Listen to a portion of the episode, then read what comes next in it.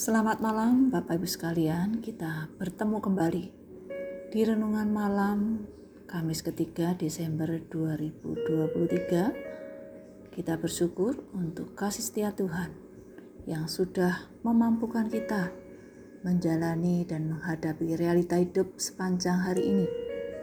Mari sebelum beristirahat kembali kita meluangkan waktu untuk mendengarkan dan merenungkan sebagian dari firman-Nya agar di dalamnya iman kita terpelihara dengan baik. Iman kita semakin berakar, bertumbuh, berbuah dan dikuatkan oleh firman Tuhan sendiri dalam menjalani hidup ini. Sebelumnya kita berdoa. Bapa yang di surga, kami berterima kasih.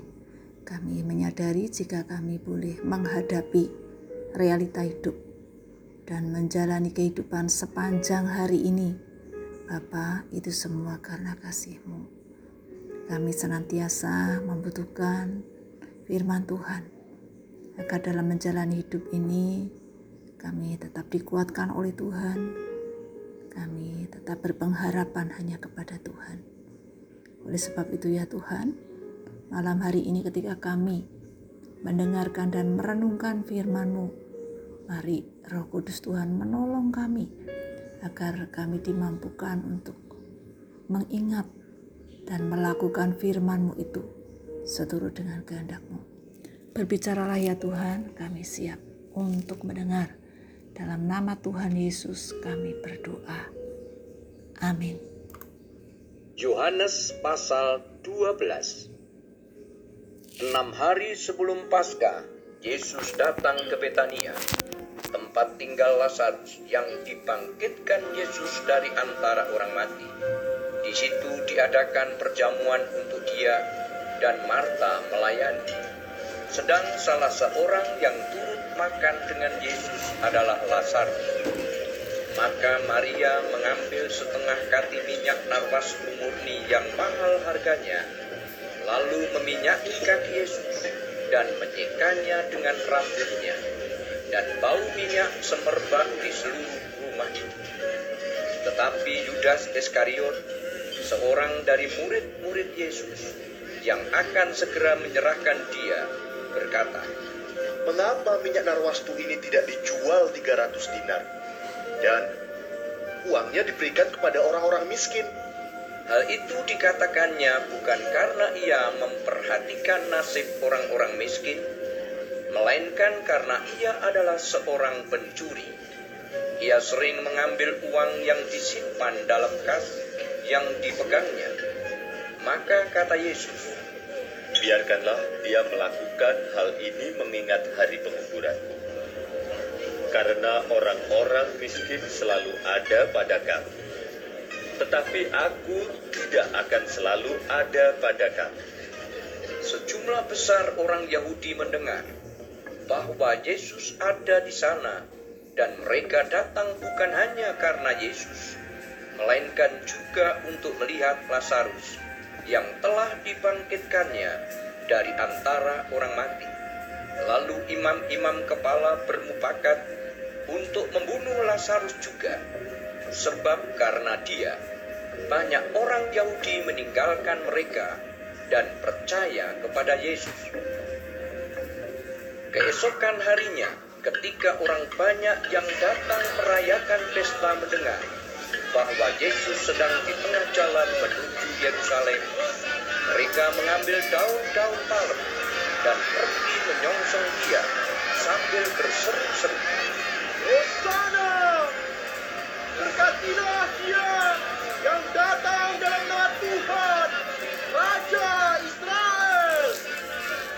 Menemukan seekor keledai muda, lalu ia naik ke atasnya, seperti ada tertulis, Jangan takut, hai putri Sion. Lihatlah, Rajamu datang, duduk di atas seekor anak keledai. Mula-mula murid-murid Yesus tidak mengerti akan hal itu. Tetapi sesudah Yesus dimuliakan, teringatlah mereka bahwa nas itu mengenai dia dan bahwa mereka telah melakukannya juga untuk dia. Orang banyak yang bersama-sama dengan dia ketika ia memanggil Lazarus keluar dari kubur dan membangkitkannya dari antara orang mati, memberi kesaksian tentang dia. Sebab itu orang banyak itu pergi menyongsong dia karena mereka mendengar bahwa ia yang membuat mujizat itu. Maka kata orang-orang Farisi seorang kepada yang lain, Kamu lihat sendiri bahwa kamu sama sekali tidak berhasil. Lihatlah, seluruh dunia datang mengikuti dia. Di antara mereka yang berangkat untuk beribadah pada hari raya itu, terdapat beberapa orang Yunani. Orang-orang itu pergi kepada Filipus yang berasal dari Betsaida di Galilea, lalu berkata kepadanya, Tuan, kami ingin bertemu dengan Yesus. Filipus pergi memberitahukannya kepada Andreas. Andreas dan Filipus menyampaikannya pula kepada Yesus. Tetapi Yesus menjawab mereka, katanya, Telah tiba saatnya anak manusia dimuliakan.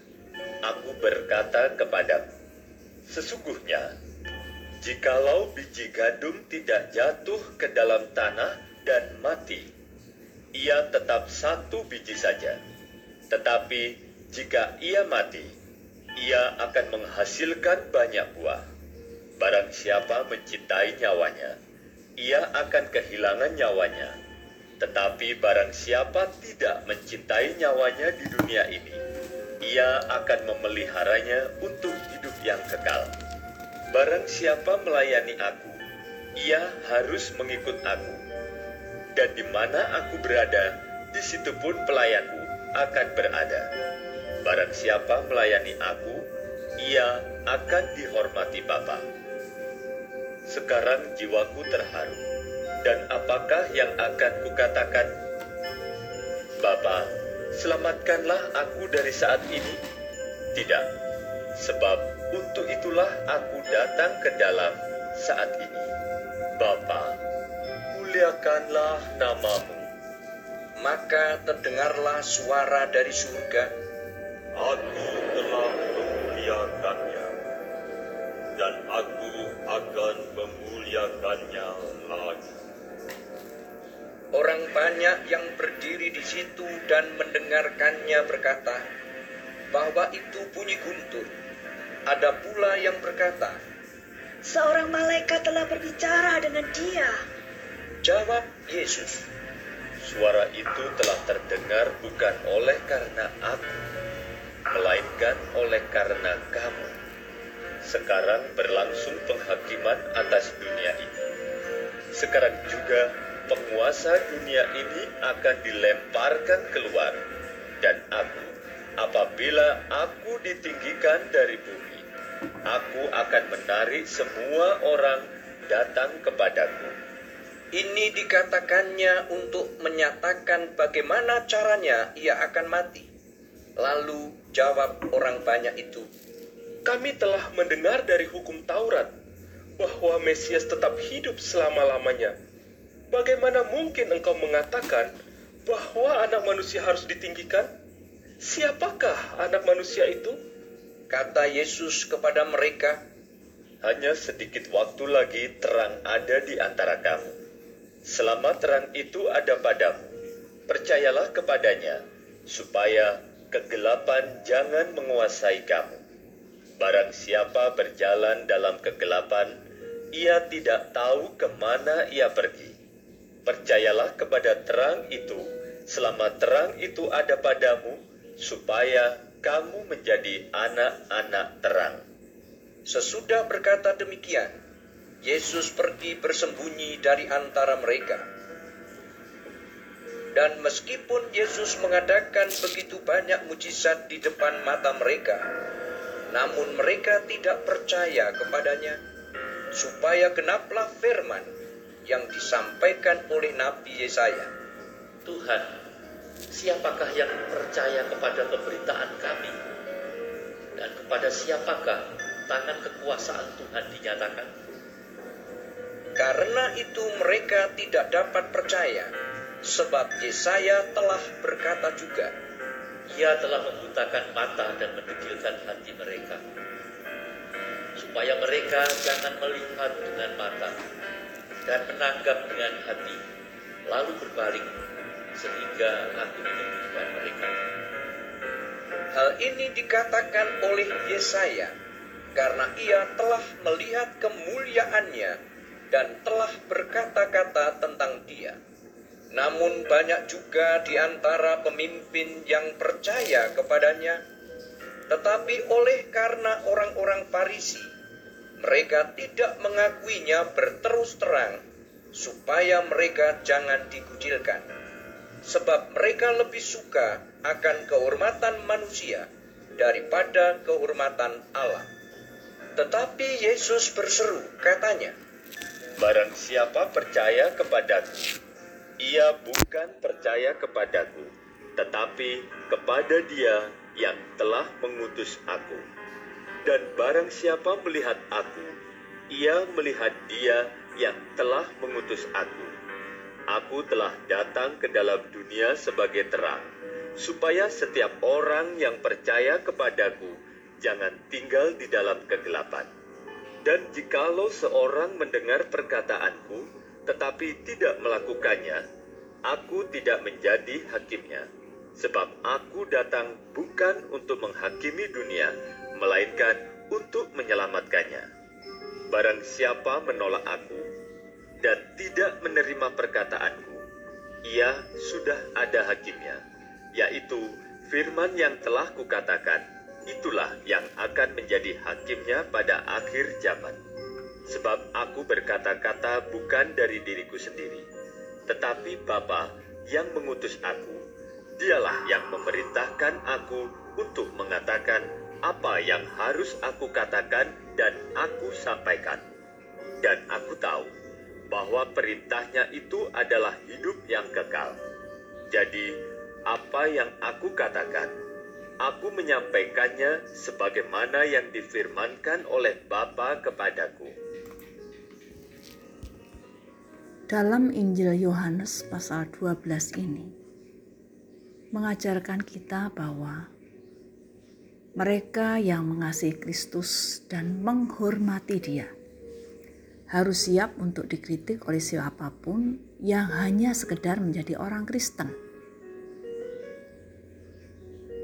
Hal itu seharusnya tidak mematahkan semangat setiap orang percaya untuk menyerahkan hidupnya dalam kasih kepada Yesus yang telah mati untuk setiap orang percaya. Maria menyatakan kasihnya pada Yesus dengan melayani, dapat menggunakan kesempatan dan rela memberikan dengan sukacita yang dapat diberikan pada Tuhan.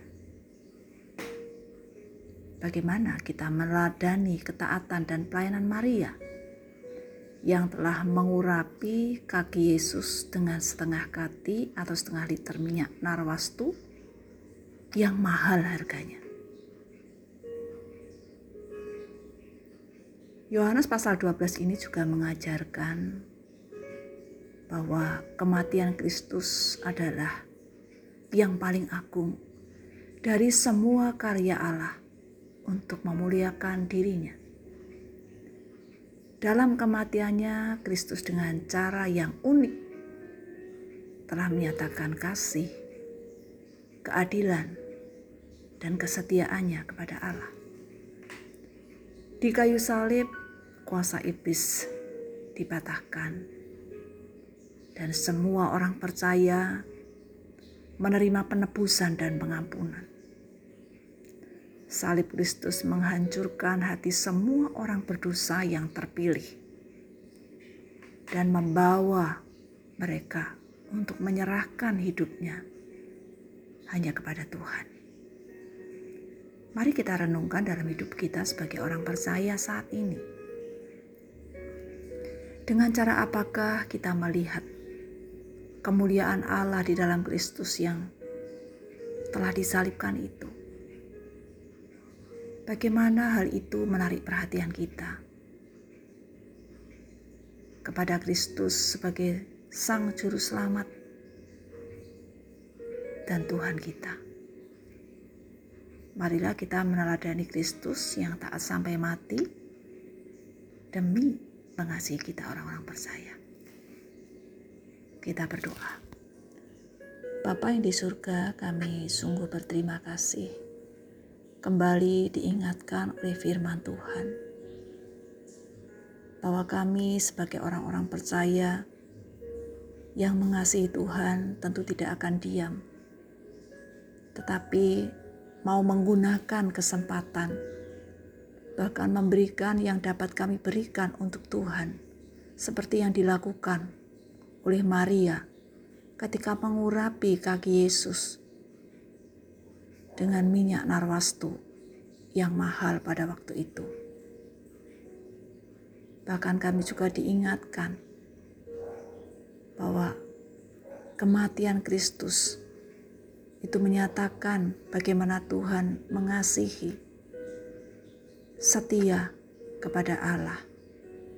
Mari Tuhan menolong kami agar kami dimampukan untuk meneladani Sang Juru Selamat yang mengasihi kami dan rela mati untuk kami orang-orang berdosa.